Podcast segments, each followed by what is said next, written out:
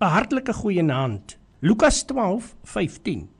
Toe sê hy vir hulle: "Pas op en wees op julle hoede vir elke vorm van gierigheid, want 'n mens se lewe is nie afhanklik van die oorvloed van sy besittings nie."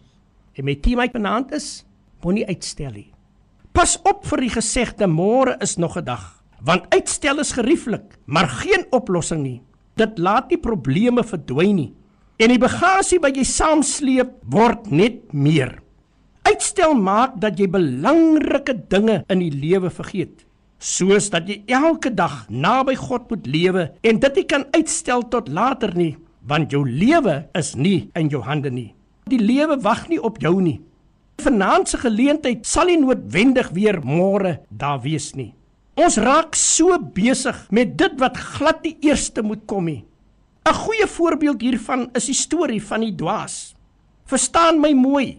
Daar's niks fout daarmee om ryk te wees en besittings te hê nie. Maar hepsik maak egter dat jy die belangrike dinge uitstel en Jesus waarsku ons: Pas op vir gierigheid.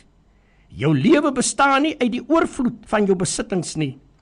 Jesus vertel die gelykenis van die ryk man se vrugbare grond en hy het nie genoeg plek gehad om sy oes in te bring nie. Toe sê hy: "Ek sal my skure afbreek en groter bou.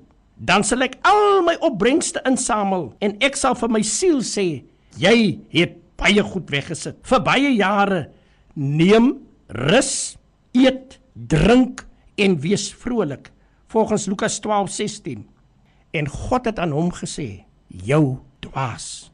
In hierdie nag sal hulle jou siel van jou af opeis." Vers 20. So gaan dit met mense wat vir hulle self skatte vergader en nie ryk in God is nie. U sien, hulle prioriteite is verkeerd.